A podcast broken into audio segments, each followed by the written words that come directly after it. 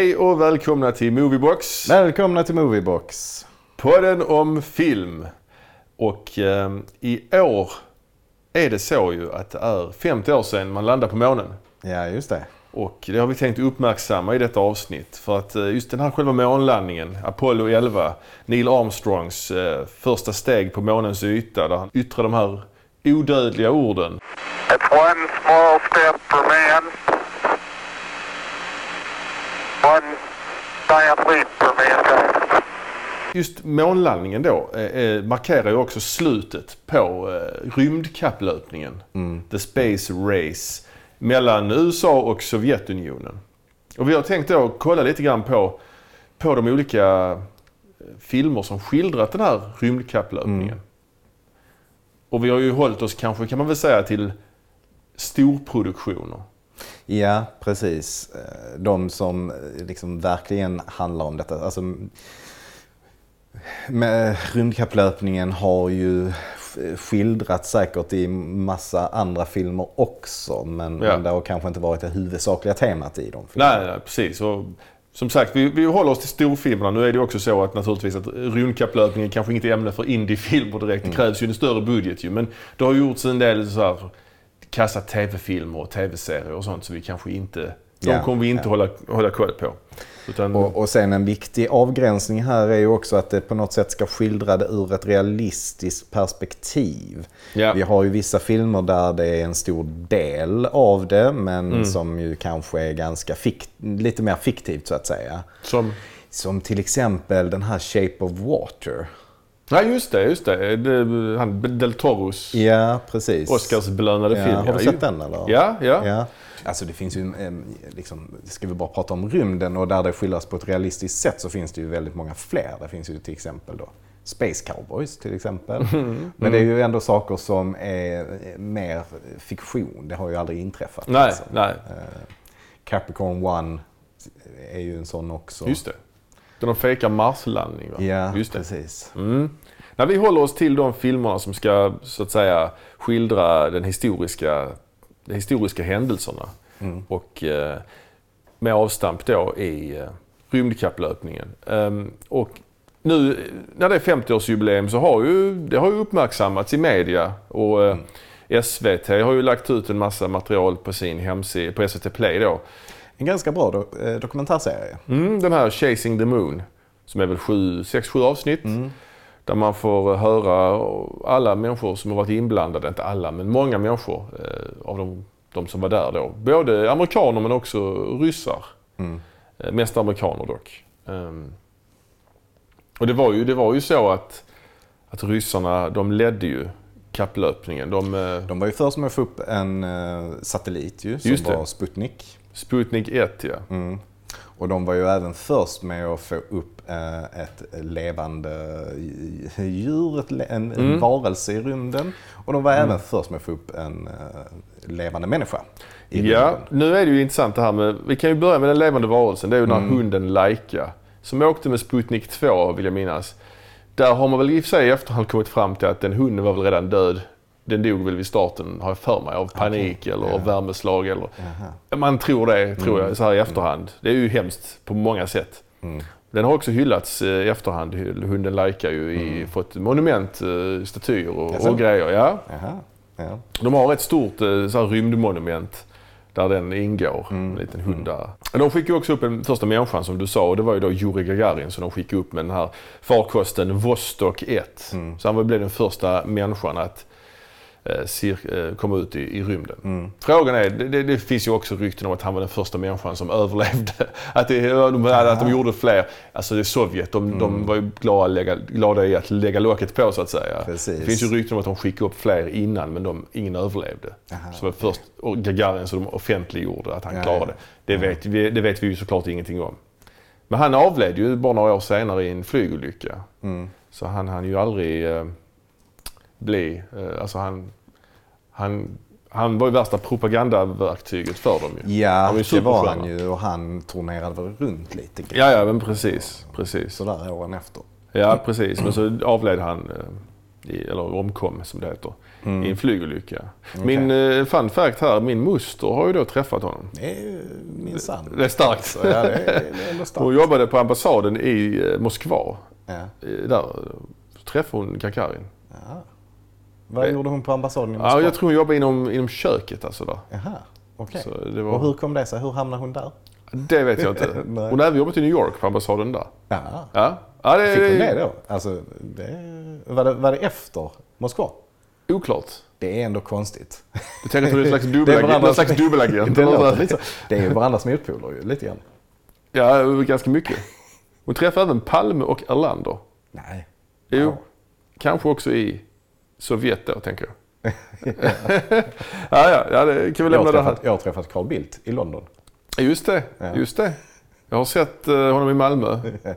Men inte, inte pratat med honom så Nej, mycket. då var han inte, jag vill tillägga att han var inte eh, statsminister då. Vid det Nej, tillfället, nej, när nej. jag träffade honom. Utan det var ju några år senare. Ja, ja, ja. 97. ja, det var ju senare ja. Precis, precis. Eh, Men det, som- det som gör det spännande med, med just månlandningen och hela rymdkapplöpningen är att, tycker jag i alla fall, att det är någon slags när man tittar på filmerna om det, när man, när man ser på dokumentärfilmer om det, det känns liksom som någon slags retrofuturism. Ungefär som när man ser på en gammal science fiction-film. Att det är liksom jävligt avancerad teknik för den tiden. Alltså för avancerad teknik för den tiden nästan. Men, och, och, men samtidigt att det känns väldigt gammeldags. Ja, precis. Men det intressanta är ju då att det har ju hänt på riktigt. Och man får också känslan av att de hade inte riktigt koll på vad de gjorde. Liksom. Nej, lite grann som de Lite första, så. liksom, eh, alltså, ja, som alla andra upptäcktsresande Ja, ja. som har upptäckt eh, olika världsdelar och polarisar och alltså, alltså sådär, att man inte riktigt har koll på vad som komma skall, vad som ska hända liksom. För det, det var ju så liksom att eftersom ryssarna, eller Sovjet var först med alla de här eh, milstolparna. Liksom, att få Ja. upp en satellit, att få upp en varelse i rymden och få upp en människa i rymden. Liksom, så fick ju amerikanerna väldigt kalla fötter där omkring tidigt 60-tal. Ehm, och, och bestämde sig för att Liksom, att sätta en människa på månen är ju det allra liksom, det, det största och det måste vi vara först med. Ja, de, de la väl ribban så pass högt så Ja. att... Liksom, och det var, ju, det var ja. ju JFK som gjorde det då, eh, 62, precis innan han blev eh, Ja. skjuten. De hade ju inte ens tänkt de banorna innan för det var så omöjligt att ens tänka tanken. Liksom. Mm. Precis, de fokuserade ju på andra saker. Ju. De Mm. fokuserade ju mer på att utveckla flygvapnet Mm. eh, på slutet på 50-talet och början på 60-talet. Men, men eftersom, rymden, eftersom ryssarna höll på att dra ifrån på rymden Mm. Så insåg de ju att det skulle kunna innebära ett militärt försprång. Ja, det. det. är ju mycket Ja. Mm. det som gjorde att, de, eh, att det blev viktigt att Ja. komma före. Men också det, också det här med med mån, mån, att just åka till månen, att det, var- det, var så, det, var, det var ju så omöjligt att ens tänka tanken att, att genomföra det här projektet. Och det som också gör att hela det här projektet, hela den här bedriften har någon slags särställning än idag är ju att de, de gjorde ju flera månlandningar. De landade några gånger ju. Sju gånger tror jag va? Åtta gånger? Nej, sju gånger. Men det som gör att det känns lite som ett skimmer av mystik kring hela den här grejen är att de inte har varit där sen dess. Att det har, de har liksom, alltså eh, det är liksom en, en, någon, en mänsklig be- bedrift, någonting mäns, mänskligheten har så att säga lärt sig att göra. Att åka till månen, landa där och åka hem igen. Men mänskligheten har inte gjort det igen. Nej, Inte sedan 1972. nej. Och jag kan inte komma på någon annan grej i uh, världshistorien där, som passar in på det. Nej. Allt annat som mäns- mänskligheten så att säga lär sig och, och, alla bedrifter de, de integreras ju i, i liksom vårt vardagliga liv och upprepas. Liksom. Oh, nu uppfann vi en eh, jättes, jättebra dator, ja, och nu massproducerar vi den så alla kan ha den. Nu kan man eh, liksom, ja, åka båt till hit och dit eller flyga hit och dit. Och all, alla uppfinningar liksom, liksom får vi nytta av, men detta var bara liksom, nej nu räcker det. Det är Så. intressant att man åkte dit så många gånger ändå under den här korta tiden. Ja, man hade väl, eh, ja precis, det känns... Alltså det är under tre år som man äh, åkte, Ja, precis. åkte dit sju gånger. Det Ja, det blev sju gånger tror jag om jag räknar Ja. rätt. Apollo 17 var den sista. Apollo Ja. 13 landade ju aldrig. Nej, de åkte i och för sig dit ju. Men de Ja. landade ju aldrig liksom. Nej. nej. Ehm, ja men precis. Men, man- men sen, det, det, sen vet man ju också att nu så här i efterhand att det fanns ju inget där. Det, fann, det var ju värdelöst där. Mm. Man hade ju drömmar att bygga städer där och så vidare Mm. som värsta som framtidsvisioner. Men där fann, det gick ju inte. Det fanns ju inget att hämta där. Det var ju bara en sym, symboliskt liksom. Ja, ja. Och det borde de väl ändå ha listat ut ganska snabbt. Liksom. Ändå så åkte de dit sex gånger till. Det tycker jag är lite intressant. Ja, ja det, det är faktiskt mycket anmärkningsvärt. Mm. För det, det finns ju i den här eh, Catching the Moon, den här tv-serien, eh, dokumentärserien som finns på SVT Play, i alla fall nu när vi spelar in. Där nämner ju Buzz Aldrin då, som var den andra mannen på månen, han, han, han nämner en konversation han hade med Neil Armstrong. Att Neil Armstrong sa till honom, oh, titta Buzz, så vackert det är. Och han sa jag tyckte inte det var speciellt vackert. Det är ju värsta jävla wasteland liksom. Ja, ja. Ingen grönska, bara grå sand. Mm. Mm. Lite stenar. Det är ju inte vackert egentligen. Nej, nej. Så det, det är ju... Ja. Mm. Nej, men man kan, ju, man kan ju inte liksom ta ifrån det symboliska värdet för eh, USA att komma dit först Nej, nej. och sätta sin flagga där. Det, det, det, det visas ju också eh, mm. liksom... Ja, det finns ett symboliskt värde i det som inte... Oh ja.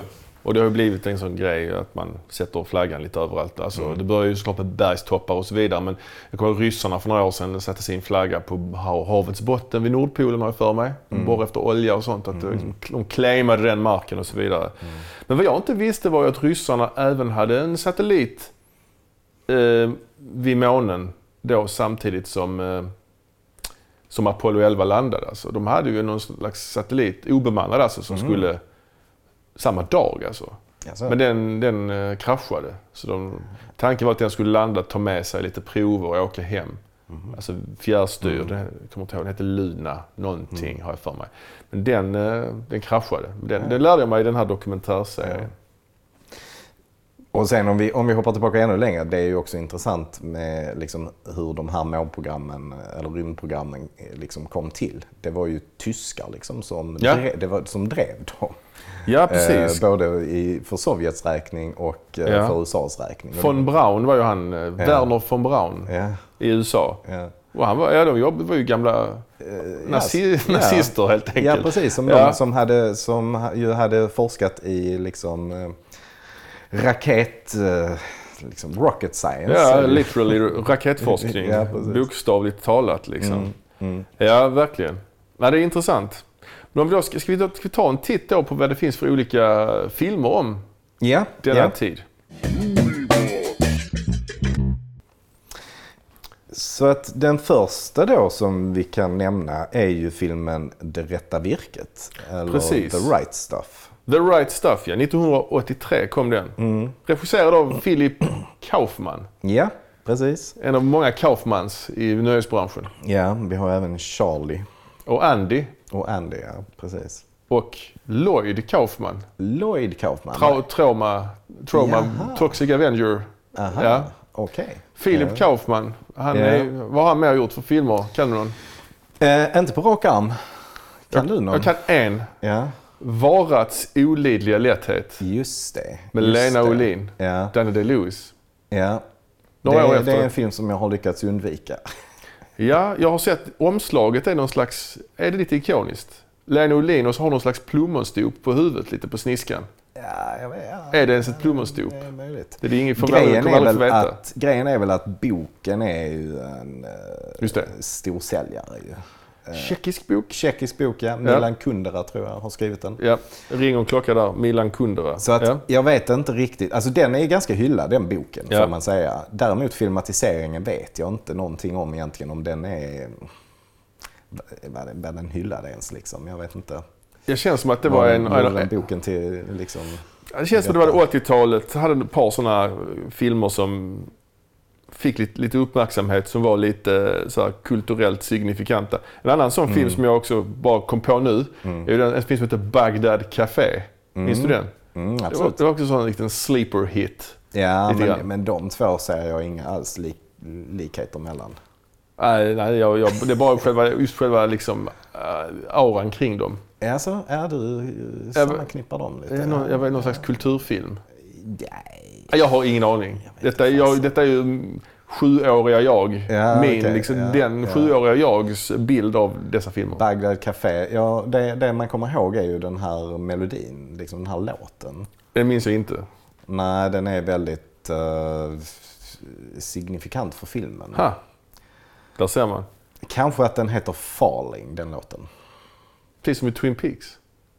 Ja, det är Twin Peaks, just det. Ja. Ja, vi släpper detta. Du kan jag, klippa in den kanske. Nej, jag vet inte om jag vågar göra sånt längre. Jo, det Nej, men eh, i alla fall, det rätta virket. Ja. Den skildrar ju alltså USAs första så här bemannade rymdprogram. Mm. Mercury-programmet. Och det var det, det, var det, det var det programmet som hade som syfte att skicka upp en människa och sätta människan i omloppsbana runt jorden. Mm. Det hade aldrig gjorts. Och man får, man får då följa de här sju astronauterna. Lite... Det, det är ju ett par rätt kända skådisar som spelar de här sju, The Mercury Seven som de kallas. Det är ju bland annat då eh, Ed Harris som spelar John Glenn. Mm. Som är ju en legendar. Mm. Så, Han, ja vi kan prata mer om honom sen. Men så är ju Scott Glenn är med ju, spelar Alan Shepard som då blev väl den första amerikanen i rymden. För mig. Ja, det stämmer ja. Precis. Och sen är det Dennis Quaid. Dennis Quaid spelar Gordo Cooper. Just det. Och sen har vi ju eh, också Fred Ward. Ja, Min gamla favorit. Som eh, Gus Grissom. just det. Eh, inte att förglömma Lance Henriksen. Nej, han är också med. Han spelar också en astronaut. Han har ju knappt några repliker i den här Nej, filmen. han är inte med jättemycket. Ja, han, det är en ganska liten roll för honom. Men jag tycker det är intressant. Jag har alltid på något sätt blandat ihop Lance Henriksen och Scott Glenn. Så jag tycker det är rätt kul att de två båda två är med i uh, Ja, samma film. de har, samma, de har lite samma typ av ansikt, eh, fårade ansikten. Ganska smala. Insjunkna kinder. Ja, precis. precis. Ja. Deffade helt enkelt. Ja, Ja. det stämmer. Ehm, Den här filmen inleds Jag ju... vill bara faktiskt punktera att en kul grej är ju också att vi har en ung eh, Jeff Goldblum med Just i filmen. Och även Har- Harry Shearer. Precis, känd från... Harry Shearer är ju känd från Simpsons Ja, och även ja. från Spinal Tap. Ja, Han med mustaschen i Spinal Tap. Det är en rolig scen när Harry Shearer, som är ganska liten, och Jeff Mm. Goldblum som är ganska lång. eh, De spelar en slags eh, FBI, CIA, nej NASA-människor. Ja, precis. Ja. precis. Och de eh, tar ju fel kavaj. Ja, Och de tar, tar varandras kavajer. Ja, nej, men det, det, det har nog varit med i, i castingen där liksom. Att Ja. eh, de här rollerna skulle spelas av en kort och en lång Ja. person. Liksom. En annan, som är, en annan som är med i filmen är ju då Sam Shepard. Mm. Som kanske, ja, han avled bara för något år sedan men han, han mot slutet av sitt liv var han väl mest känd som den här patriarken i den här Netflix-serien Bloodline. Mm. Kanske. Just det. Men han spelar i alla fall Chuck Yeager. Mm. Filmen börjar ju med honom. Han var en pilot, amerikansk pilot som eh, hade, han var den första som sprängde ljudvallen. Mm. Och man får ju se det, det är ju väldigt snygga flygbilder där i början får man ju säga. Ja, precis. Han är ju den mest kända testpiloten. Så, Mm, liksom, som, som, för det, det var ju det vi nämnde innan att eh, alltså Air Force eh, of United States, de, Mm. eh, de fokuserade ju på att liksom, utveckla bättre flygvapen Mm. eh, innan eh, liksom, rymdprogrammet kom igång. Ja, ja, just det. Så att, så att mycket, av, mycket av filmen eh, berättas ju ur hans perspektiv. ja. Han, eh, han har väl huvudrollen får man nog... eh, Det är det som gör... Det Det är, är ju, lite svårt Ja. att säga i den här Ja, filmen. den här filmen den är ju väldigt speciellt uppbyggd på det sättet att Chuck Yeagers historia är en historia och de här The Mercury Sevens, det är en annan historia på något sätt. För Chuck Yeager, han blir ju aldrig astronaut. Nej. Han är mer någon slags eh, trailblazer som spränger ljudvallen. Man tror ju att han ska bli rekryterad. Om man inte känner till. Liksom. Och, men det blir han ju inte. Nej, han väljer väl framförallt Mm, ja. själv att inte Nej. gå med i det här eh, Precis. Gemini-projektet. Ja, Mercury. Mercury menar Ja, precis. Och, men det är intressant, vi kan bara ta det när han, när han väl spränger ljudvallen med det här eh, flygplanet i början. Det är ju intressant hur det kommer en, eh, den här, den här the sonic boom då så att säga, den här stora smällen som blir när han spränger ljudvallen. Mm.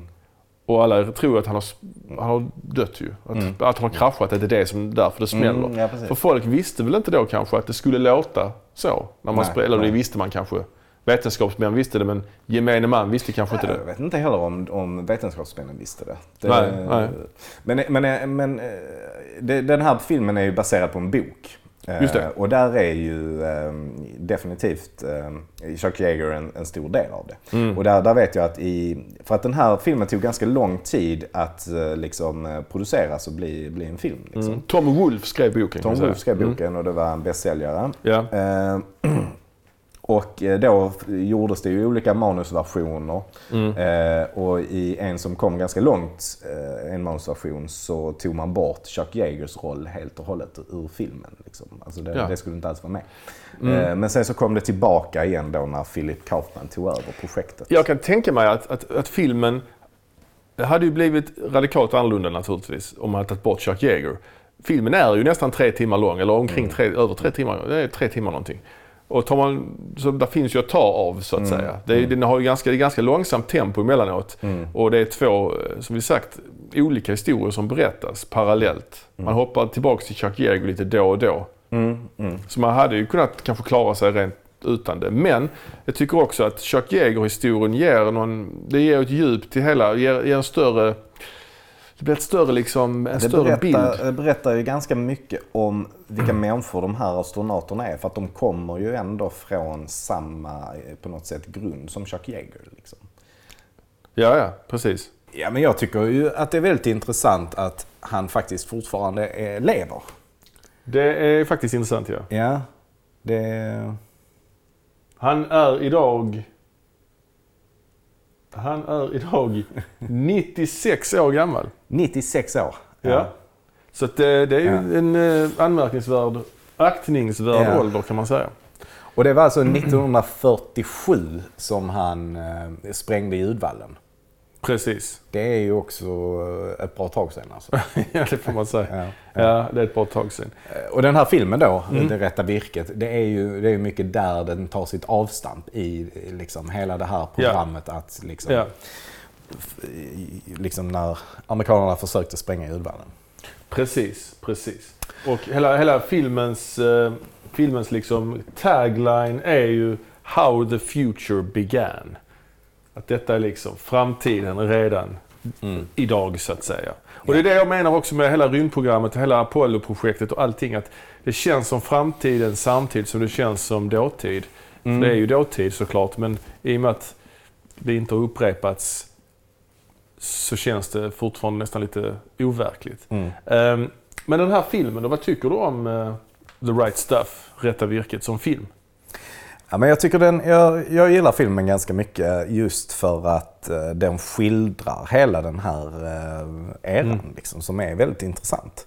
Jag tycker också den är, den är, väldigt, eh, den är väldigt välgjord och ganska välspelad också. Eh, tycker jag. Så att det, är- det är en ganska snygg film. Snyggt fotad, det är ju Kalle Deschanel ju. Ja, det är det. Just det. Pappa till Zoe Deschanel Ja. som har fotat filmen. Känd då från uh, New Girl. New Girl, precis. Ja. Och lite Almost famous också. Ja. Ja, men det är en riktig sån eh, skådespelare och eh, film, filmarbetarfamilj. ja, just det. Deschanels. Mm. ja. hela, hela filmen skildrar ju som sagt det här rymdracet och det är ju ur ett amerikanskt perspektiv givetvis. Mm. Men man får också man anar ryssarnas framgångar lite då och då. Ja. Man får se mörka bilder på att en raket skjuts upp ifrån vad heter det, Star City, ligger i Ukraina tror jag. Ehm, och Mm. Man får se liksom Khrushchev skratta liksom sådär och Ja, svartvita arkivbilder. Man anar hela tiden detta där och man får se dem springer i korridorerna i USA. Att Mm. Varje de har gång- skjutit upp en man, de Ja. har en, män, de har en människa där uppe. Liksom. Ja, precis. Varje gång det händer så visar de det med samma scen. Att det är liksom en, en kille då som springer och ska liksom, eh, underrätta då Ja. eh, presidenten. Ja, precis. Och det är, det är ju, eller vicepresidenten, Ja. Johnson. Johnson. Nej, där vet jag inte. Johnson är ju med väldigt mycket. Ja, det är Eh, det är han. Men, men jag tror inte han är, är han vicepresident då? Eh, nej, han är inte. president då ju såklart. Han är president. Ja, han, han är vicepresident först, sen blir han president.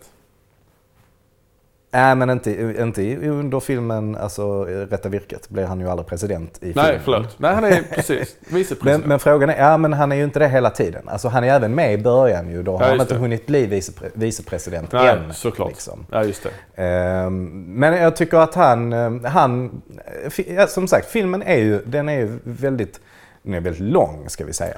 Precis. Den är över tre timmar lång. Ja. Och den har ju som, som sagt lite olika moment då. Eh, Och de här har ju olika, de är ju olika bra kan man säga på olika sätt. Ja, Man kan väl säga att liksom rent det här tekniska vad man säger, skildras ju på ett väldigt bra sätt. Liksom. Det är väldigt snyggt gjort när Alltså- de flyger till exempel. ja flygscenerna. Träningsscenerna. Precis, träningsscenerna är väldigt bra, bra gjorda De också. sitter i sådana här centrifug och snurrar runt snabbt och så Ja, vidare. och, då, Ja. och, och jag gillar hela det här momentet när de eh, ska bli uttagna till det här Gemini-projektet. Eller Mercury. Mercury, menar jag såklart.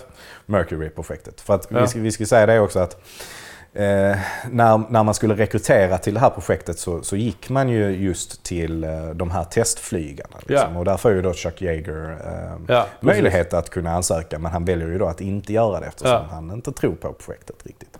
Men några kommer därifrån, några kommer från, eh, alltså som är piloter ifrån The Navy. Istället, Mm, eh. Scott Glenns karaktär kommer ju därifrån. Ja, precis. Vissa är från flottan och vissa från flygvapnet. Så det är lite så här en schism Mm. Och eh, armén tror jag också. Så Ja, de, okej. de plockar folk från dem i Ja, olika. precis. Men där är ju många intressanta scener när de då ska liksom genomgå de här testerna. Mm. Eh, Bland annat ska de försöka kunna blåsa någon slags eh, bubblor eh, Mm. liksom, så att en boll, eh, ping, ser ut som en pingisboll. Just det, de ska hålla den hållas- flytande. hålla Ja. den flytande så länge som möjligt. Då. Just det. Ehm, ja, så att, så att det är bra. Sen har den ju också, just för att man ska göra det här till ett, eh, en, en kul film, så lägger de ju in lite comic reliefs i den. Ja, Eh, precis. Av lite blandad kvalitet, eh, kan jag ju säga. Det är någon scen där de ska få lavemang till exempel. Ja, ja. Vilken, vad skulle du säga det? Hög eller låg kvalitet på den? Nej, men det, det, det blir ju lite tramsigt liksom. Ja, när, ja. eh, När, när, det blir lite slapstick nästan att eh, Scott Glenn eh, Mm. liksom, går där och liksom, måste verkligen så springa i korri- korridorerna för att komma till en toalett. Liksom. Precis. Ja, Så precis. det blir lite I någon tramsigt. sån vit sjukhussärk. Ja, liksom, rumpan bara. Och, och Jeff Goldblum och Harry Shearer då, deras, deras karaktärer är ju också lite helan och halvan. Ja, precis. Hela den halvan, eller DuPontarna eller något i den Ja, stilen. Ja. något sånt. Precis. Men sen har de ju då första uppskjutningen. Scott Glenns karaktär, eller ja, Alan Shepard, han är ju den första amerikanen i rymden. Och Mm. Han åker upp och han blir ju hyllad i, i en parad. Mm. Och han träffar Kennedy. Och det, det är massa liksom. Han blir en hjälte, en American hero. Men sen kommer ju nästa person på tur. Det är ju då Gus Grissom. Mm. Som spelas av Fred Ward. Och han är ju liksom någon slags, nästan som någon slags, vad fan ska man säga, antihjälte. Eller liksom han är lite mer, eh, han, han har allt mycket emot sig på något Mm. sätt. Men han, han är ju en av dem som kommer från eh, testpiloterna liksom, Mm. som har varit med Chuck Yeager. Just det. Eh, Det är ju han och Dennis Quaids karaktär som kommer från, den, Ja. från det hållet. Och i, i den sekvensen, eh, för det första så är det ju så också att han, he, han heter Gus Grissom. Och de tycker det namnet är, han heter ju inte Gus, han, Mm. Han heter, Virgil. Virgil, Virgil I. Grissom. Och han vill inte bli kallad för Virgil. Det är väl ett namn som är ganska töntigt tror jag i Ja, det USA. kan jag tror man ja. anser det. Ja. Så frågar de, vad, men du heter ju I i mellannamn, vad står det för? Ivan. Ja. Och då vill de, får han ju inte heta det heller för det är så Mm. ryskt det namnet. Liksom. Så då är det okej, du får heta Gus. Så redan där anar man ju att han har liksom lite emot sig. Mm. Och sen är det ju det när han, han åker upp i sin kapsel, Mm. åker runt jorden och sen när han landar så eh, får han ju panik. Han landar ju i havet och får panik. Mm. Det är ju så varmt och han, de är på väg med helikopter och ska lyfta upp hela, hela Mm. alltså, farkosten. Och då spränger han ju upp luckan Han spränger upp luckan. för Mm. Ja. att få luft och för Ja. att kyla ner sig. Ja. Och sen hoppar han ner i vattnet för att han är så varm. Ja. Och där är ju rätt, tycker jag, en rätt bra scen där liksom han håller på att drunkna och helikoptern kommer men de prioriterar ju att rädda rymdfarkosten. Mm. Ja. Mm. Men de klarar, ju, inte- de klarar ju inte det. Nej, de klarar inte det i och med att den har fått vatten i sig och den Ja. sjunker så Ja. helikoptern kan ju inte lyfta upp den. Liksom. Och sen eh, räddar de ju honom. I andra hand räddar de honom. Ja, i andra hand. Så han får ju ligga där och spra- Ja. sprattla i, i havet rätt länge liksom, innan de... Desperat liksom, sådär. Man tror att han ska dö om man inte liksom har koll på. Men, men sen är det ju kul också att se i efter, eftermälet där att hans fru, spelad av Veronica Cartwright ju, ifrån eh, Alien bland annat. Mm. Hon eh, blir ju så jävla besviken för hon tror att hon ska få träffa president Kennedy och allting Mm. ju. Men de får ju bara en liten tackceremoni på någon flygbas. Och sen får de bo på ett, något sånt hotell där. Mm. Och han blev, de har fyllt kylskåpet med, med mat och sånt. Det är liksom, that's it. Ja, ja. Så det är liksom en väldigt stark eh, grej. Nyhetens behag är liksom lite grann Ja, över. precis. Plus att han misslyckades lite grann också. Ja, precis. Hon klandrar honom dessutom för att han öppnade luckan. Och Han, Ja, han, hävdar, han hävdar ju själv att luckan öppnades av sig själv. Mm, att det var något fel. Ja, liksom. precis. Det blev kortslutning och den bara sprängdes av sig Ja. själv. Medans eh, det är väl ganska lite som tyder på att det var så. De hade... Det har aldrig hänt innan och alla tester Nej, och så vidare. Ja, de hade testat detta tusentals gånger liksom, och det har aldrig slagit fel. Ehm, Men han hävdar att det slog fel just där och då. Liksom. Så att, Precis, och det intressanta, eller så, det som är, vad ska man säga, ödets ironi eller vad man ska säga. mm, Gus Grissom var ju en av de första som, han var ju egentligen, tan- tanken var väl att han skulle landa på månen. Han skulle Mm. vara den första mannen på månen. Och han var ju med på det första Apollo-uppdraget, mm. Apollo 1. De skulle egentligen bara flyga upp med den, alltså det var första gången man skulle det provflyga. var ju bara för att prova så Ja. att Apollo-projektet skulle fungera. Liksom.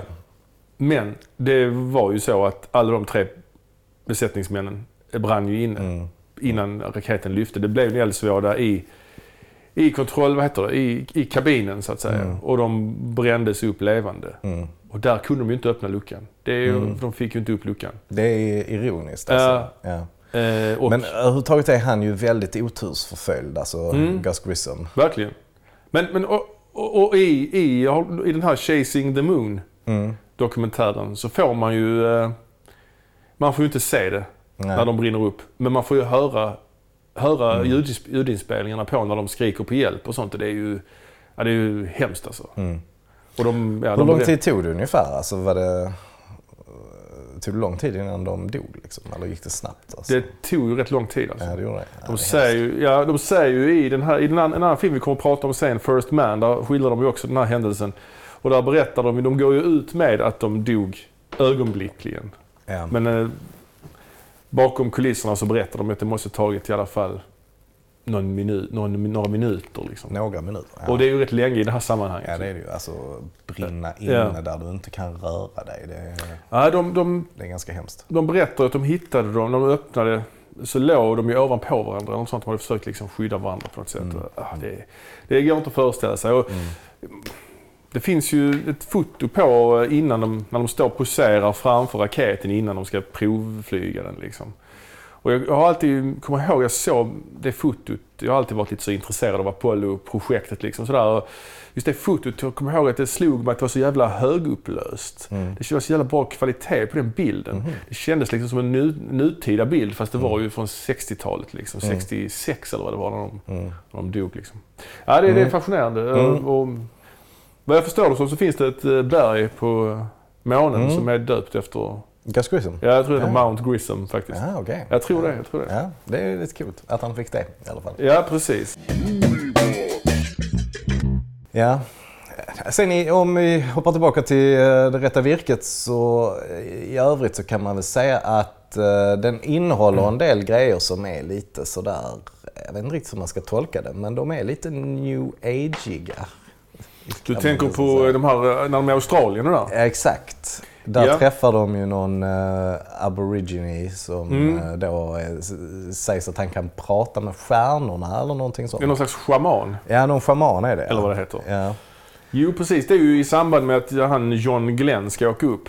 Mm, mm. Och då åker ju Dennis Quaid till Australien för de har en station där så de kan ha kontakt med honom när han åker runt jorden. Så måste de ha olika stationer på olika platser för att kunna upprätthålla radiokontakten. Liksom.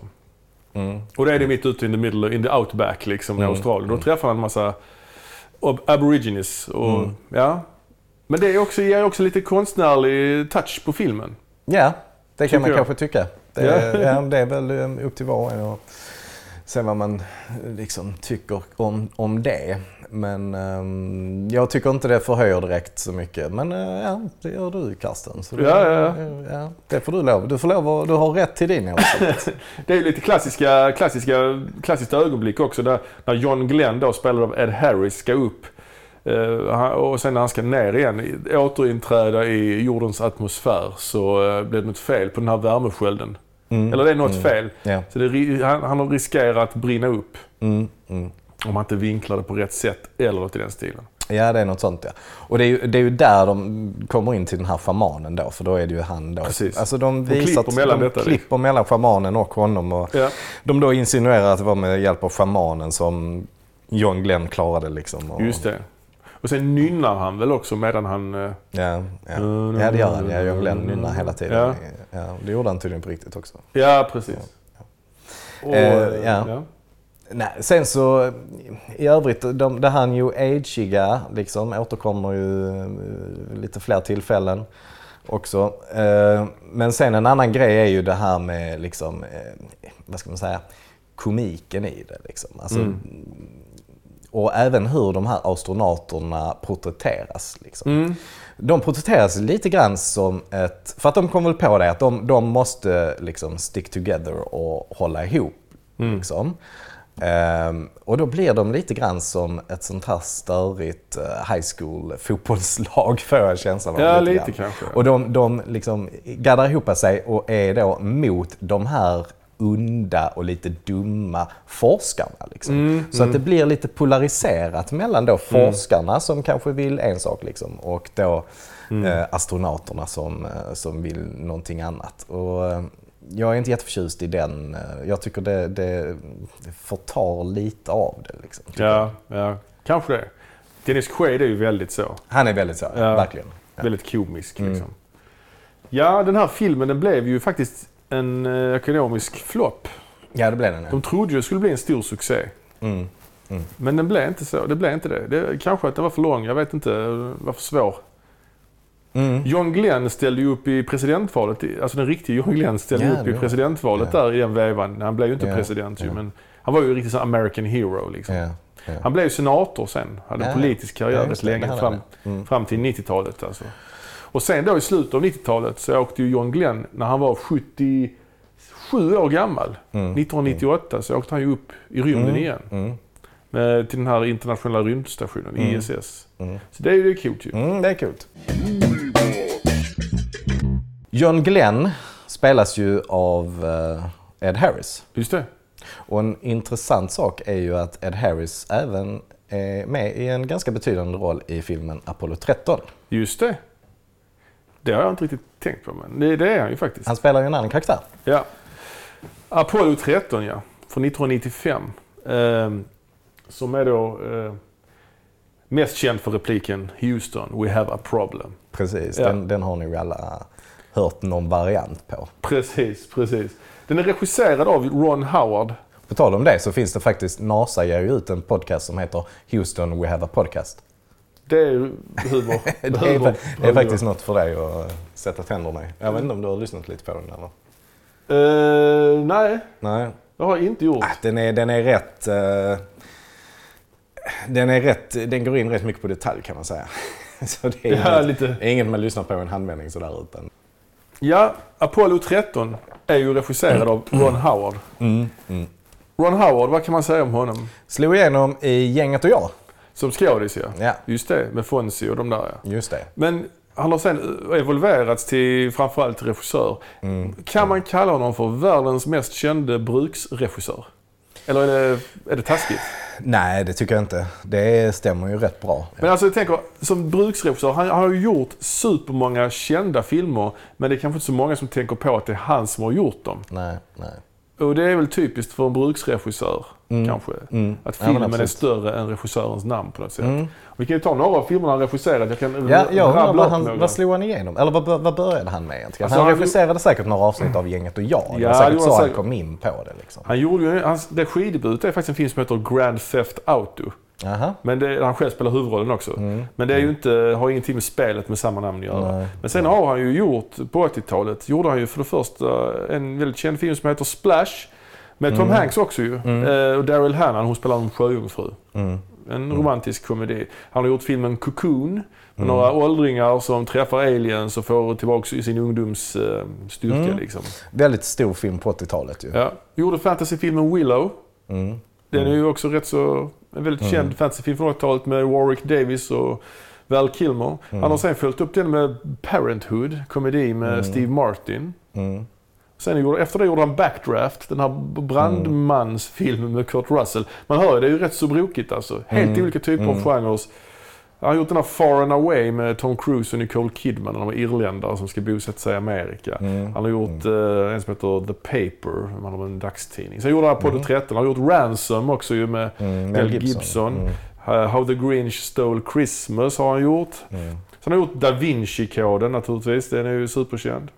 Och nu här, här om året gjorde han ju Star Wars, den här Solo. Mm. Det Så- han som regisserade? Ja, det är ju också kul. Det tänker man inte på. Nej, det gör man verkligen inte. Och han är ändå, nu är han ju superkänd. Ja. Men ja. ändå är Star Wars-märket, alltså det tar ju all uppmärksamhet. Men det är, väl, det är väl lite så att han är ju, han är ju eh, väldigt duktig på att eh, regissera och att berätta en historia på ett väldigt effektivt sätt ju. Ja, så är Det är det. han ju. Eh, Men däremot har han ju inga liksom, saker som, liksom, där man kan peka på att ah, men det här är en film som är regisserad av Ron Howard. Ja, inte vad jag vet. Jag kanske ska sätta mig in i ämnet och analysera hans Nej, ja, men samlade jag, verk. jag, tror, jag tror helt enkelt inte att han har den, eh, liksom, eh, alltså att han, att han Nej. vill det. Han känns ju ganska Hollywood sentimental kan man säga. Mm, Eh, och den här filmen är ju också väldigt Hollywoodsk. Mm. Vi kanske ska berätta i korthet vad den handlar om. Ja, det gör vi. Apollo 13 är ju det trettonde uppdraget då. Eller ja, det trettonde missionet de gjorde. Apollo 11 landade De på hade månen. alltså redan landstigit på månen. Ja. Apollo 11 landade på månen. Apollo 12 landade på månen. Och Apollo 13 skulle också landa på månen. Men det blev ett fel. Mm. Houston, we have a problem helt enkelt. Och de kunde inte landa på månen. Eh, och eh, Apo- 13 är också oturstalet, det är ju lite intressant ju. Men, och det var ju så, det blev istället en kamp eh, mot eh, klockan kan man säga. För att de här astronauterna började få ont om syre. Och eh, det blev, allting blev ju fel. För de har ju räknat med att landa på månen och sen åka därifrån. Och när de inte gjorde det så sattes ju allting ur balans. Liksom. De hade räknat med att raketen skulle väga mer för de skulle fylla den med såna månstenar och så vidare. Och då hade de inte månstenar, då fick de tänka om. Mm. Och sen att de inte skulle vara tre personer i månlandaren. För de var tvungna att flytta över till månlandaren när de skulle tillbaks. Mm. Men då var de bara var de tre personer, då räckte inte luften kanske och så vidare. Mm. Så det var mycket, mycket otur. Hela Mm, vägen. ja, ja. ja, precis. Ehm, Men ja, den filmen är fylld av eh, bra skådisar. ja, ja. Tom Hanks, Mm. Ed Harris då som sagt, Kevin Bacon, Bill Paxton, Gary Sinise. Det är ju själva gräddan av birollsinnehav, Ja, alltså det. birollskådiseliten kan man säga. Ja, ja, ja. Och det är väl också för Tom Hanks, eh, han lämnar ju mer och mer komedispåret. Alltså han slår ju Ja. igenom som en komisk skådespelare. Jo, liksom, jo, ja. Och gör väl mest komiska roller Ja, på Splash 80-talet. och Big. Ja, Djävul till granne, ja. klassiker. Joe and the Volcano. Ja. Jag vet inte när han liksom ändrar spår riktigt. Är det Philadelphia? Ja, Philadelphia vinner han ju en Oscar för och sen Ja. året efter vinner han Oscar till ju för, Forrest Gump. Forrest Gump. Och detta är då året därpå, Apollo ja, 13. precis. Så han, han har redan liksom bytt spår kan man säga. Ja, här är han ju en av... Här är han ju, Ja. här är han ju störst liksom. Ja. Och han är ju fortfarande jättestor ju. Och det är väl också någonting som är signifikant lite grann för Ron Howard. Att han tar inte så mycket risker liksom. Utan han går på ett ganska säkert kort med Tom Hanks liksom. Ja. Det får man väl ändå säga. Ja, det får man säga. Absolut. Och han, han liksom tar Ed Harris som redan har spelat astronaut också. Ja, ja. Även om han inte spelar astronaut i eh, liksom Apollo 13. Nej, här är ju chefen för det här Mission, Mission Control. Control, ja. ja. precis. Ja, Men han, han safear väl ganska mycket. Men det som är intressant är ju att det är ju en historia som berättas där alla redan vet förmodligen hur det ska gå. Men att man ändå... Han är ju ändå så pass skicklig eh, regissör liksom, så att han liksom, lyckas ändå hålla det spännande. Liksom. ja, precis. Man vet ju att de kommer att klara sig. Mm, mm, Det vet man ju. Men ändå känns det som att det står grejer på spel, så att mm, säga. Mm. Men det är också att bara, bara det att det har hänt på riktigt är ju spännande egentligen. Mm. Det är ju det här med, som, som du vet, liksom det här med based on a true story. Det är ju ganska, det är värt ganska mycket. Mm. Många, det, det är bara det, vissa tycker ju en film är bra bara för att det har hänt på Mm. riktigt liksom. Mm. Men det är ju det som gör det, det är så osannolikt att det kan ha hänt liksom. Mm. Den här filmen kunde lika gärna varit fiction överhuvudtaget och ändå varit spännande liksom. Men det är inte Mm. det, utan det ju, har ju hänt på riktigt. Sen har de ju saltat det såklart. Ja. Det är ju grejer som säkert inte har, alltså jag har inte, men det är ju grejer, de överdriver ju alltid såklart. Mm. Mm. För att det ska bli, passa mer in i filmdramaturgin liksom.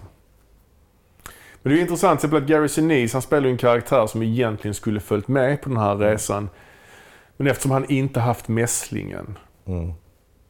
så får han inte följa med. För han kan bli sjuk när de är upp, där uppe och det hade inte varit bra alls. Så tar de Kevin... Är det så det är? Att han inte har haft mässlingen? Är det inte att han... eh, Ja, det är en annan som har fått mässlingen. Ja, så är det ja. Det är ju så. Ja, det, Ja. det är faktiskt intressant för det är Alan Shepard ja. som spelas av Scott Glenn i Right Stuff. Han skulle egentligen varit på Apollo 13. Ja. Hans besättning skulle egentligen åkt Apollo 13. Men så är det han som har fått mässling tror jag. Ja. ja, precis. Och i och med att Gary Sinise karaktär Mm. inte, Inte har har haft haft mässling. det så finns det ökad risk då för Ja, att han ja. Men, kan få medan alla andra liksom. har haft det då. Ja. På den ja. här tiden så fick man mässlingen. Det är ju en livsfarlig sjukdom liksom. Är det det? Jo, ja, det är superfarligt. Ja, fan. Därför man vaccineras mot det. Ja, ja. Ja. Ja.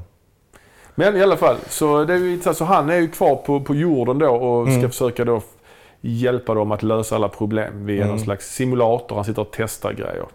För de får inte använda för mycket ström och så vidare. Mm. De får stänga av strömmen emellanåt för att kunna ha tillräckligt, tillräckligt med kraft så de kan återvända till jorden Mm. och så vidare. Men det, det tycker jag är en intressant aspekt. Liksom att, äh, alltså de astronauterna som ingår i det här eh, astronautteamet. För de, de är väl ett team på en Mm. 15-20 personer som är möjliga astronauter. Liksom. Och så Ja. är de indelade i olika team. Ja, besättningar liksom. Bes, besättningar. Ja, precis. precis. Så det som jag tycker är ganska intressant är ju då att de som då inte är det utvalda teamet som ska åka iväg på något eh, Mm. uppdrag, liksom, de är ju delar av Mission Control och sitter där Ja, och, och, och Ja. jobbar. Det, det skildras ju både i eh, The Right Stuff och i Apollo 13. Ja, precis. Och då att allihopa bor ju väl också i samma... Bo, de bor ju på typ den här Ja. flygbasen Samma allihopa. by typ. Alltså. Ja, det är som liksom byggt upp lite bostadsområde där på, på, på ja. flygbasen där de bor liksom och grillar och har barbecues och så Mm. vidare. Allihopa ser likadana ut med kortärmade skjortor nerstoppade i byxorna. Står, står de och grillar. Där de inte är ute i rymden typ. Står de och grillar. ja, jag vet inte, lite, Ja, lite ja. förenklat kanske. Men, ja. Ja, precis. precis. Nej, men så är det ju. Jag gillar Apollo 13 alltså. Den är jävligt Hollywood. Den är jävligt smörig så. Men Mm. jag tycker ändå den är ju spännande alltså. Det är bra skådespeleri. Hon är också jävligt bra. Kathleen, hon är också Kathleen Quinlan. Som spelar då eh, eh, Hanks fru. Hon blev ju Oscars-nominerad också för sin roll. Så det, det var ju väldigt bra insats där. Ja. Alltså det är intressant. En sak som är intressant med Apollo 13 tycker jag i och för sig. Det är att man har valt att göra... Alltså... Det kom en film om Apollo 13. Storfilm på bio. Innan det kom en film om Apollo 11. Ja. Ja. Innan man visade själva månlandningen, det här, liksom, den här milstolpen. Så valde man att göra en film om deras misslyckade månlandning. Det tycker jag är... Ja, jag tycker också det är, det är eh, intressant alltså, Mm. att det kunde bli så. Men det kanske är så att det var redan så mycket mediebevakning kring månlandningen. Liksom. Mm, mm. Så att det kändes, kanske det följdes ju så tätt i media. Liksom, så att det, Ja, kanske, precis. det kanske inte behövdes en film på samma sätt. Nej, för i, i Apollo 13 så poängterar man ju den här liksom mättnaden. Mm. Att deras, när de filmar sig själva på vägen till månen Mm. så sänds inte ens det på TV ju. Nej. För att nej. folk är trötta på det nu. Det har Ja. gjorts, gjorts två gånger tidigare. Ja, så folk är trötta på det, vilket är helt sjukt. Ja. Två gånger tidigare. Det är ändå märkligt ändå. Jag menar, det här är ändå innan internet, innan Instagram. Alltså, Mm. De har alltså sett det på TV två gånger och är redan trötta på det. Ja, Det är ja, ju sjukt ja, ja. faktiskt. Men sen om man ska vara krass så är det väl också helt enkelt så att det skrevs ju en bok Mm. om detta som då, alltså karaktären som Tom Hanks spelar, Jim Lovell, Jim Lovell. som också lever fortfarande. Ja. Ja. Han skrev ju en bok om detta ju. Ja. Eh, och den gjordes om till ett manus. Så det fanns ju ett manus redan.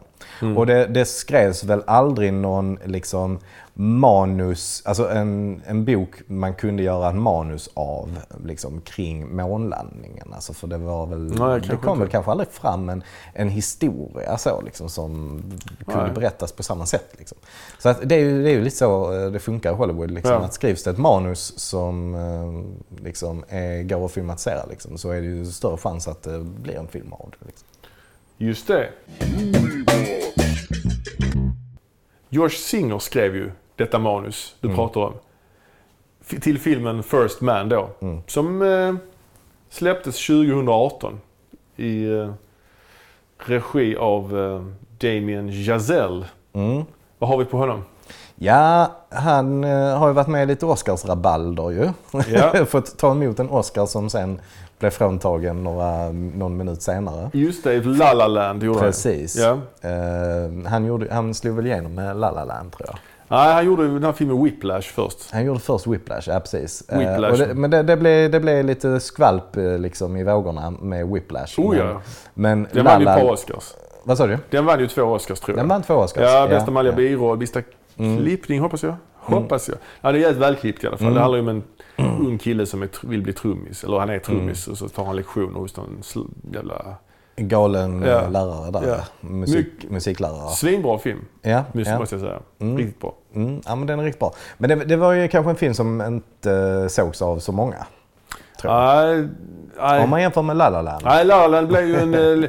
Precis, Whiplash var ju mer en sån här sleeper hit. En indiefilm som blev mycket större än vad det var tänkt kanske.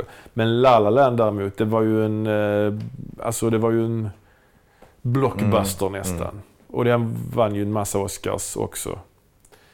Och eh, huvudrollen i La La Land spelas ju av eh, Ryan Gosling. Ryan Gosling, precis. Och han spelar ju också då huvudrollen i First Man. Ja. Och han spelar alltså då Neil Armstrong. Första människan på månen. Och hela den här filmen, eh, First Man, den, den skildrar ju både då det här Gemini-programmet och Mm. då också Apollo-programmet. Nu är det många olika program här. Mm, vi kan ta dem. Först var det Mercury, Ja. som då är med i Rätta Virket. Det Ja. första Och det handlar alltså egentligen mest om att skjuta upp raketer. Skjut upp en människa och, Ja. i omloppsbana liksom, och se hur det funkar. Gemini-programmet, då hade man för det första som namnet antyder, Gemini betyder tvilling som du vet. Mm. Man skickade upp två personer i samma farkost. Och syftet med Gemini-programmet det var ju att kunna docka med en annan farkost i omloppsbana. Så man skickade upp ett, ett annat, en annan farkost också som, inte, som var obemannad. Som då Gemini-kapseln skulle då docka med. Som en liten övning inför Mm. Apollo sen. Ja. Man har ju redan planerat Apollo för där krävs ju, på Apollo-projektet krävdes ju att man skickade ut att man kunde docka. För den är ju väldigt omständig den här eh, Apollo-raketen. Man skickar ut en stor raket och sen så sl- släpper man loss månlandaren. Sen så vänder man själva, alltså the command module. Vänder man om 180 grader. Och sen dockar man månlandaren i rymden. Och sen fortsätter man. Aha. Och det var det, just det här dockningsmomentet som är så viktigt. Som de man då övar på i, i eh, Gemini. Ja, okej. Så vad är syftet liksom? Mm. Och det är sjukt, allting, allt det här händer ju bara på ett par år liksom. Ja, det... Ja, precis. När månlandningen var 69 och... eh, Precis. När drar Apollo-projektet igång? Är det 62 eller? Ja, Gemini håller på mellan 61 och 66. Apollo håller också på från 61 men till 72 då. Alltså det pågår ju på, parallellt liksom. Ja, ja. Men eh, lä- läggs ju ner sen när man har löst det här med, med dockning. Och det var samma astronauter som ingick i de här i princip. Liksom. Det tillkom Ja, ja. ju fler eh, efterhand. Liksom. Jo, men eh, Jim Lovell till exempel på Apollo 13 är ju också med i Gemini. Ja. Och han ingick väl i den första gruppen av astronauter som togs ut, tror jag. Ja, efter Mercury då. Efter Mercury, ja, Ja, precis. Men i samma grupp alltså som ehm, Neil Armstrong. Neil Armstrong. Ja, ja. Medan så Buzz Aldrin kom in i en andra våg, tror jag. Ja, det kan stämma. Ehm. Det som var speciellt med Neil Armstrong var ju att han inte var militär. Ja, just det. Han var ju civil liksom. Mm. Han var ju pilot naturligtvis, men han var ju ingen stridspilot. Han var ingen, eller han var ingen militär. Nej. Och den här filmen First Man, den börjar ju lite grann på samma sätt som Rätta Virket med att han flyger snabba, Mm. Snabba flygplan. Mm. Håller på också att uh, åka ut i rymden. han har ju problem där att komma tillbaks in. Mm. Han åker ju Just svinhögt upp, Ja. nära atmosfären liksom. Och får problem där att börja studsa och wobbla och ha sig. Mm. Man får rätt, rätt på det sen. Mm. Det är lite läskigt. Ja, verkligen. verkligen. Eh, filmen är ju också filmad på, på eh, First Man. Den är filmad med flera olika filmformat. Mm. Både 16, Super 16 då, och, och 35 mm. Så det är också spännande. Mm. Det är filmat i 16 mm. De är inne i, eh, liksom, Mm. i, i rymdfarkosten. Mm. Så det blir lite grynigare, lite mer dokumentär känsla. Det är man tanken att det ska bli, kännas lite Ja. mer dokumentärt där inne. Ja, ja. Ja, och det är väl rimligt också för det var ju kanske så man, man visade, eller liksom det är väl så det visades när de eh, skickade ut det på TV ja när precis. det begav sig. Liksom. Ja, ja. Och eh, huvudrollen spelas ju som sagt av Ryan, Ryan Gosling. Han spelar ju sjukt, han är sjukt nedtonad. Han är väldigt nedtonad. Jag skulle säga nästan eh, att det känns som att han är inne i någon slags depression. Ja, han går Alltså- omkring, han går omkring i någon slags, precis. Mm. Och jag vet inte om du har sett La La Land? Det har Ja, jo det har jag gjort. Men ja. är han inte likadan där? han, är, han är kanske lite så. Det är inte så jäkla munter alltså. Nej. Jag har sett också Drive, där är han också ganska... Ja. Han är, oh, för att tala om Blade Runner, där spelar han i och för sig någon form av robot så det är inte så konstigt. Men Nej, där, precis. han har ju, han... eh, Han faller lätt in i det där Mm. eh, dystra Ja. spelet liksom. Precis. Han är ingen Groucho Marx. Nej, precis. Andra, andra huvudrollen i filmen spelas ju av eh, Claire Foy. Hon spelar ju Mm. Neil Armstrongs fru, Jan. Och man får följa henne rätt mycket också. Hennes liksom kamp. Mm. Hennes liksom ångest när hennes man är ute på de här livsfarliga Mm. uppdragen. Hon spelar också jävligt bra. Claire Mm. Foy är ju mest känd från den här Netflix-serien när hon spelar Mm. drottning Elizabeth. Spelar också Lisbeth Salander i den senaste Millennium-filmen. Just det. kan man snacka om bredd också. Ja, ja verkligen.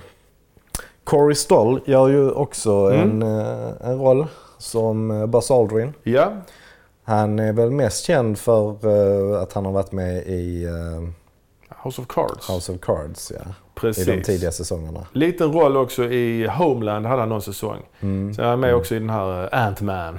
Mm. Spelar antagonisten där. Mm. Ehm, Han är ju väldigt bra i House of Cards i alla fall. ja, ja. men han, är- han är en bra skådis tycker jag. Mm. Eh, en annan sak som är intressant med filmen är att den är, alltså, musiken är ju väldigt speciell. Mm. De har ju använt sig av så här teremin-instrument Mm. som är någon, ja vad är det ens? Det är någon slags konstig antenn. Men du, ju närmare du rör dig antennen Mm. så blir det olika ljud.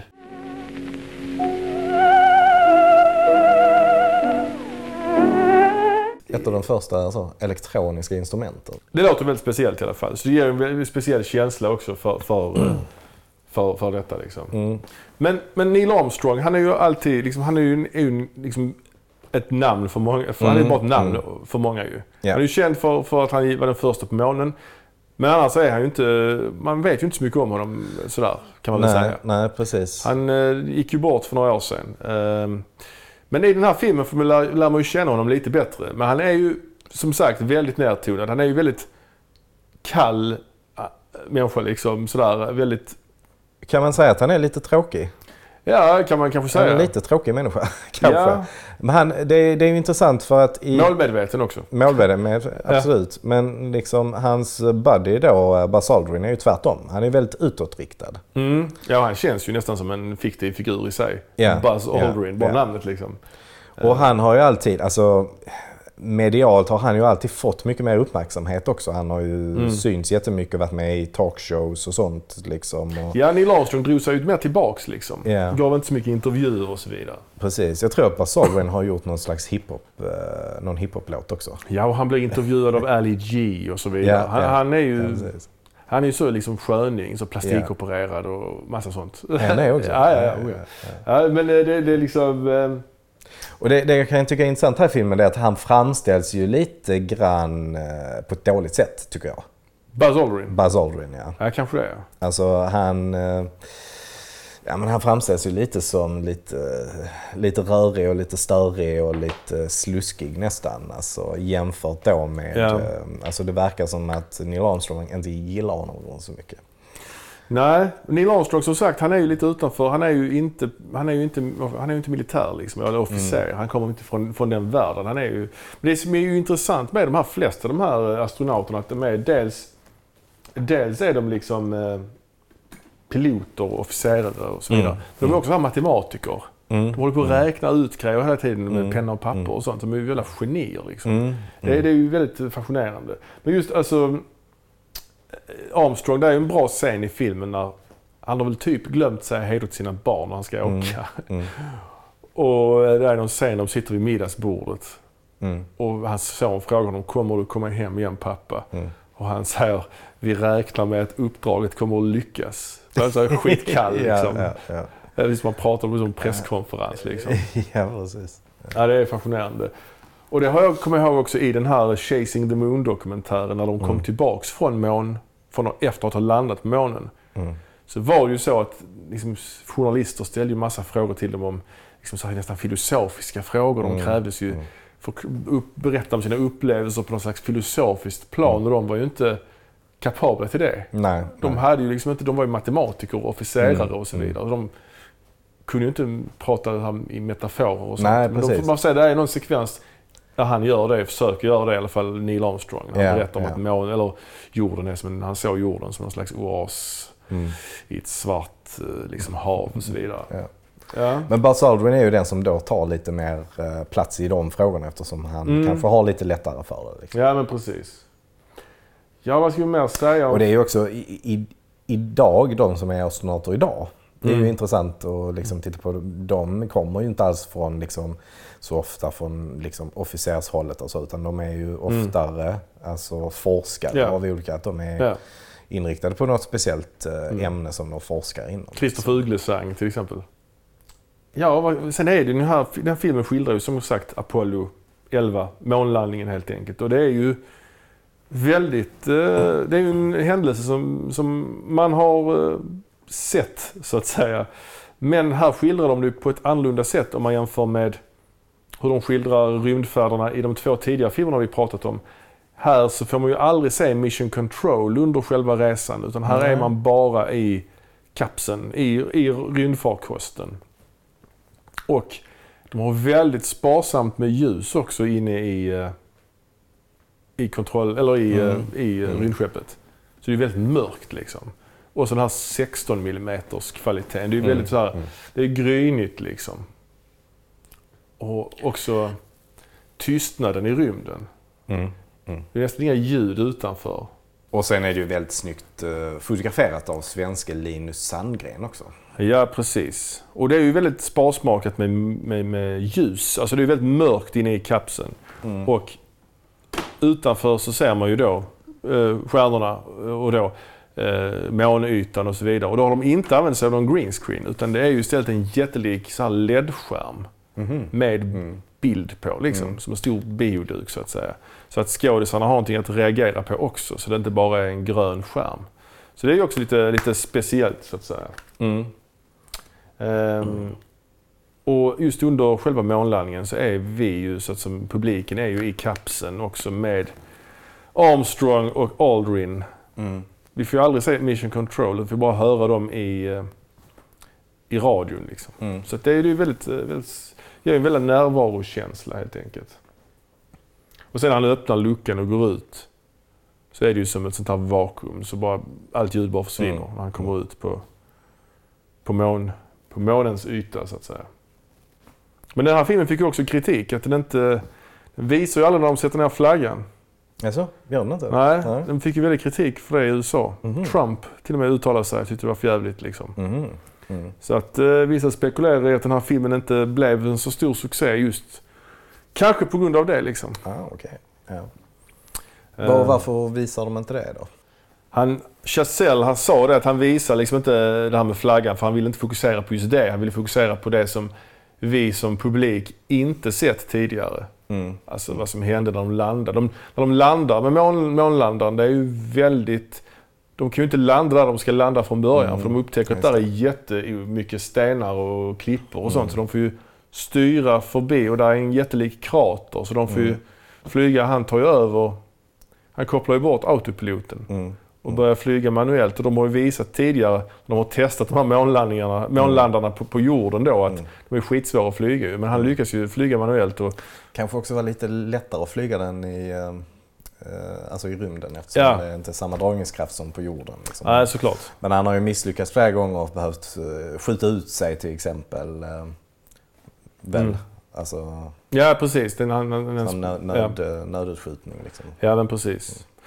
Men han landade ju, då hade han ju bara några sekunders... eh, Liksom, Marginal där Ja, med Mm. bränslet. För de var tvungna att spara bränsle för att kunna Mm. lyfta sen ju. Mm. Ja, alltså det är galet hur, hur exakt eh, allting är uträknat. Men Mm. Ja. att det ändå är liksom som en sån sak att de inte har räknat med att det skulle kunna... Mm. De vet ju inte alls var på månen de kommer att kunna landa. Liksom. Nej, alltså, nej. De hade ju beräknat någonstans som skulle landa men Ja. de har ju ingen aning om hur det ser ut. Så. Nej, precis. Att det är så snäva marginaler Ja. liksom. Alltså det var ju så mycket de inte visste egentligen. Och en sak som jag också tycker är intressant är att när han då sen kommer tillbaka Ja, så måste han ju sitta i karantän. just det. Eh, För att de vet inte ifall de har fått dratt med sig någon sjukdom av något slag från må- månen. Ja, precis, precis. Eh, Ja, ja. Alltså man visste ju ingenting. Nej, Eh, Man, trodde ju, man visste ju ingenting om ens ytan. Liksom. Vad, nej, nej. skulle, skulle där finnas någonting som man skulle kunna bli sjuk av? Liksom? Ja. Ja, och sen själva hela den här, liksom hela det här att sen lyfta från månen och lyckas tajma det med han, alltså Michael Collins, den tredje astronauten som då, som då åker runt månen Mm. i själva command, command module. Mm. Att de sen ska docka där med honom igen och tajma det, liksom att lyfta så att de tajmar det. Att han, ja, det är så sjukt. Mm. Det är, misslyckas man där lite så är det ju kört liksom. Ja. Ja. Ehm, ja, nej, jag tycker den här filmen är jätte, alltså den är riktigt bra. Mm. Musiken, själva hur man skildrar månlandningen och fotot. Jag tycker den är riktigt bra. Jag tror det är en sån film som kanske kan vara, räknas som en klassiker i framtiden. Eller sån här, när man kollar på, jag antar att den här Damien Chazelle kommer bli en rätt stor regissör. Han har ju, alltså, detta kanske är lite grann av ett hidden gem Mm. i hans Mm. kommande, alltså om man tittar på hans karriär om 20 år så, ja, han gjorde denna också som var lite ett avbrott. Han Mm. gillar ju musik och sånt liksom. Han Mm. kör ju mycket med musik och ja, precis. detta är ju lite, Ja. ja. lite en Ja. annorlunda film. Ja, jag tycker den är Mm. riktigt bra, riktigt bra. Mm, ja, ja, jag är väl kanske lite mer eh, återhållsam eh, Jaha, ja. i- inställd till den. Eh, som vi redan har varit inne på så vissa saker tycker jag är bra. Jag tycker om musiken liksom, och, och jag tycker att den är snyggt filmad oftast. Mm. Liksom. Och som sagt, den är, den är väl också rätt så långsam tycker jag. Mm. Men den är inte så lång. Den är inte så lång, nej. Men den är lite långsam i tempot. Eh, Och sen så är det ju det här att Ryan Gosling spelar ju väldigt återhållsamt och Mm. en karaktär som är lite tråkig tycker jag. Mm. Eh, Och då samtidigt så skildrar man ju då eh, Buzz Aldrin på ett ganska dåligt sätt tycker jag. Ja, så, han är ju inte med så jättemycket kanske, Nej, men, nej. men jag vet inte. Men, men som en väldigt här, ganska plump person. Ja, kanske det. Ja. Eh, ja. Jag tycker Claire Foy spelar jävligt bra eh, också. Som, som Jan. Mm. Jag, jag tycker...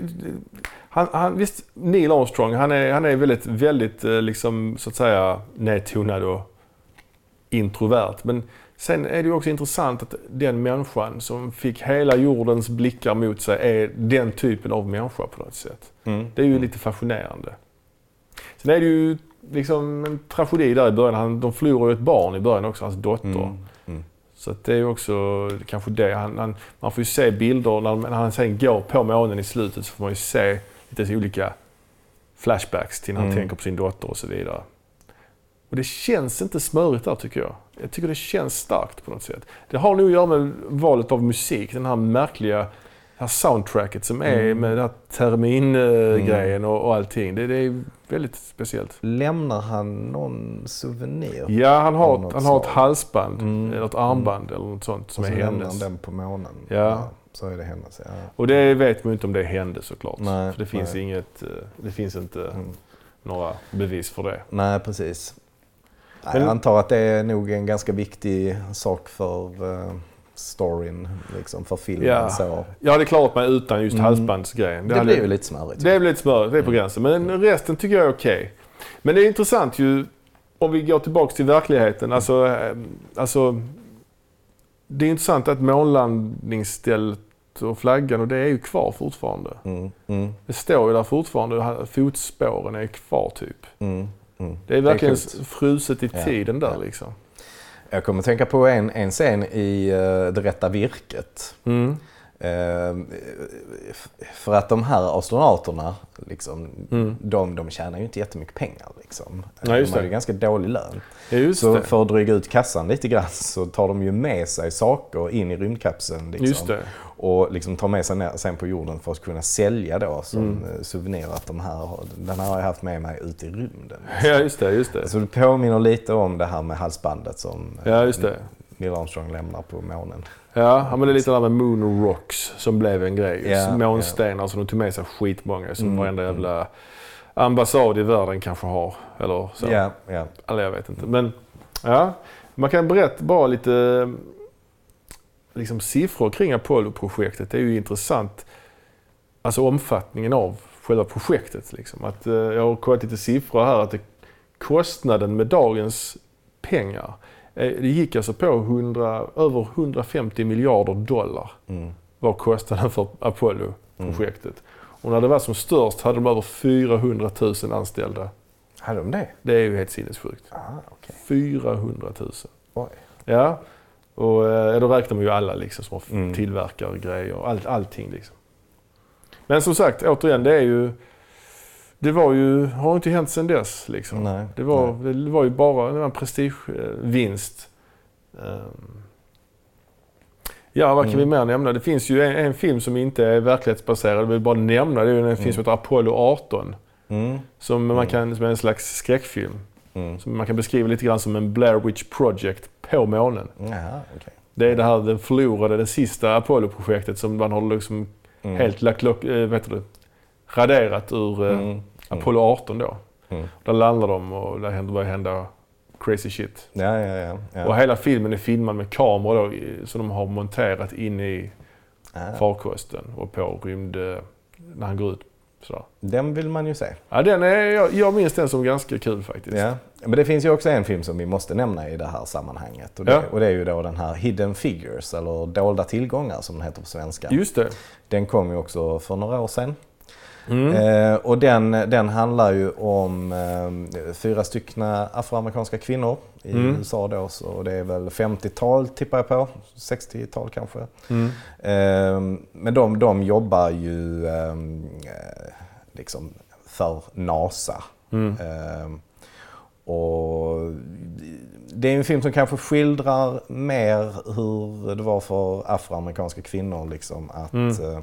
Eh, jobba inom eh, NASA eller andra amerikanska myndigheter. Mm. Eh, mer än att det är någonting som skildrar liksom, det faktiska arbetet liksom, som NASA gjorde skulle jag, skulle Ja, jag ja. tycka. Men, Ja. men den ena av dem är ju då en uh, oerhört duktig matematiker. Liksom. Och, och ja, det är ju intressant att eh, när, du- när du säger hur många som jobbade åt NASA. Liksom. Mm, Ehm, för att det är ju väldigt många fler som har gjort det än, än bara Mm. ehm, de här astronauterna som blir kända. Liksom. ja, precis. Eh, det är ju en jättestor apparat ju, Ja, såklart. ja.